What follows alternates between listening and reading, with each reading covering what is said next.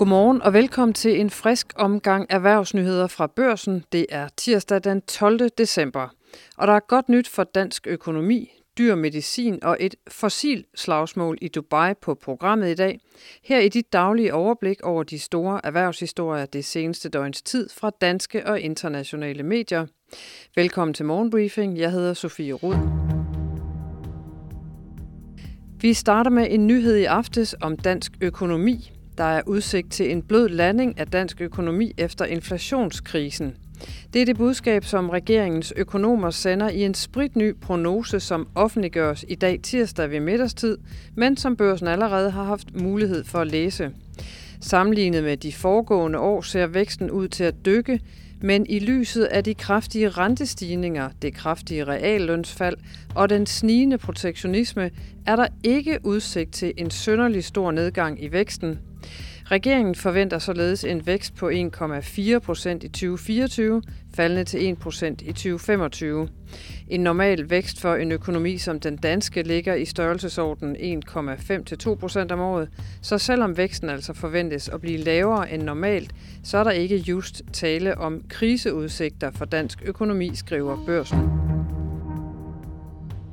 Også Jyllandspostens Finans har kig på landets økonomi, som gennem det næste år styrer uden om en krise, som ellers så ud til at blive den klokkeklare konsekvens af en galopperende inflation og de historiske voldsomme renteforhøjelser fra verdens centralbanker.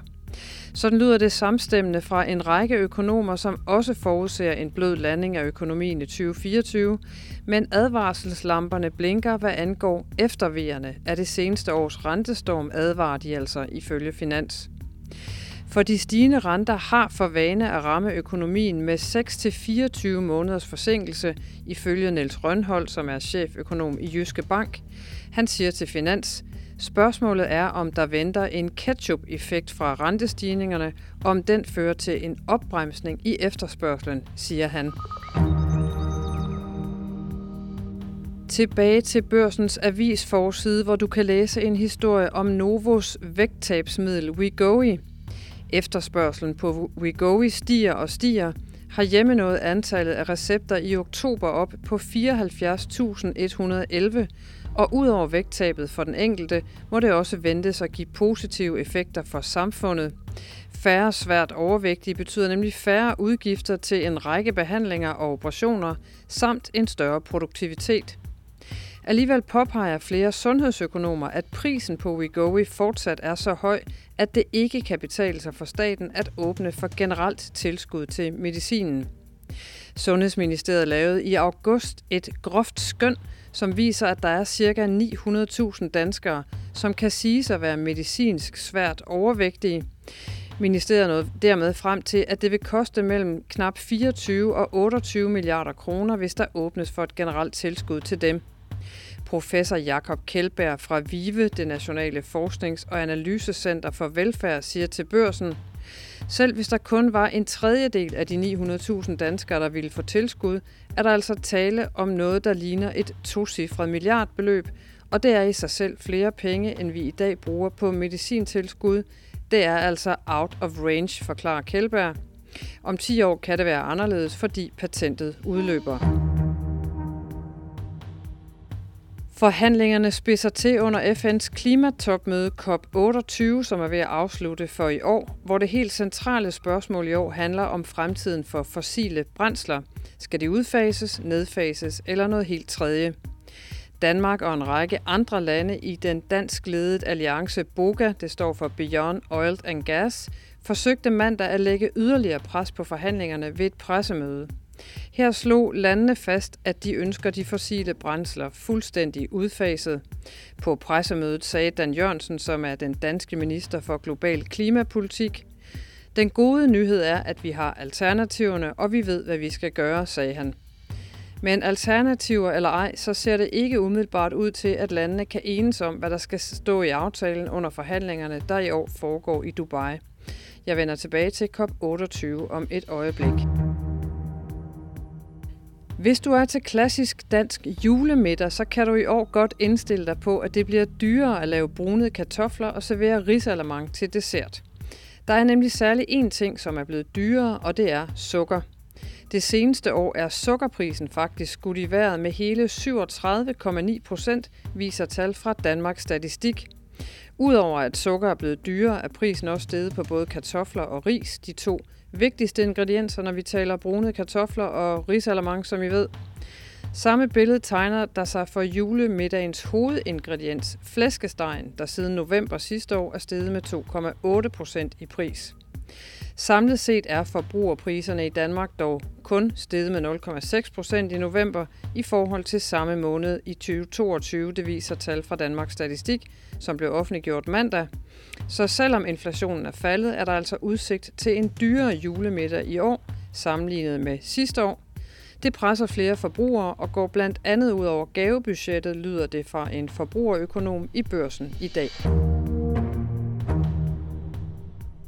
Og vi skal ud af landet til Polen. Tidligere EU-præsident Donald Tusk vandt mandag aften en afstemning i det polske parlament, hvor et flertal pegede på ham som ny polsk premierminister, det skriver Bloomberg. Donald Tusk har lovet at afslutte en konflikt med EU om retsstatsprincippet og genoprette adgangen til næsten 60 milliarder euro i blokeret finansiel hjælp til Polen.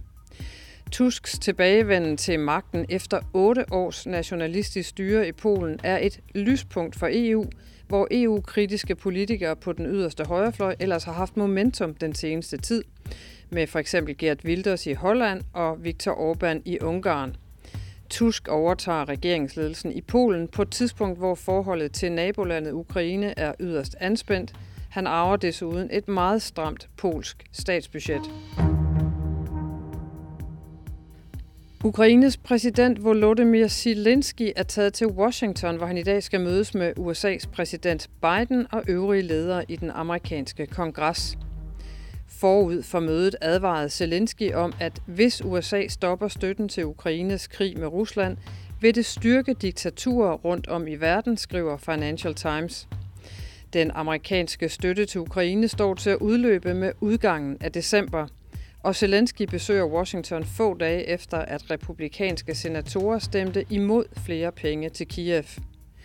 Præsident Joe Biden har bedt kongressen om at give mere end 60 milliarder dollars i yderligere støtte til Ukraine for at fortsætte kampen, men republikanerne kræver nye, strengere begrænsninger for immigration ved USA's grænse mod Mexico til gengæld for at stemme for støtten til Ukraine.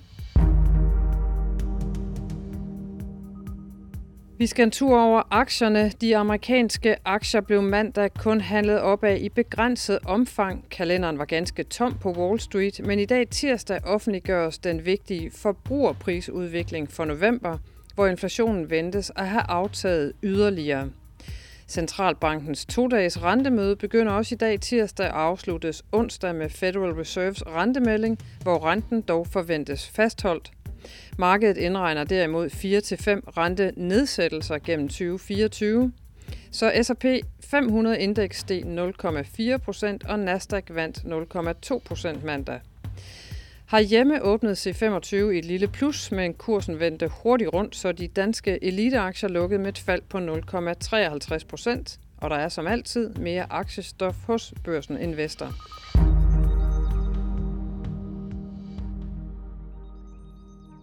Som lovet vender jeg tilbage til COP28. Jeg har bedt min kollega Johanne Myrup Fischer, som dækker topmødet, om at give et overblik over, hvad der er sket på FN's klimatopmøde her, hvor det lakker mod enden.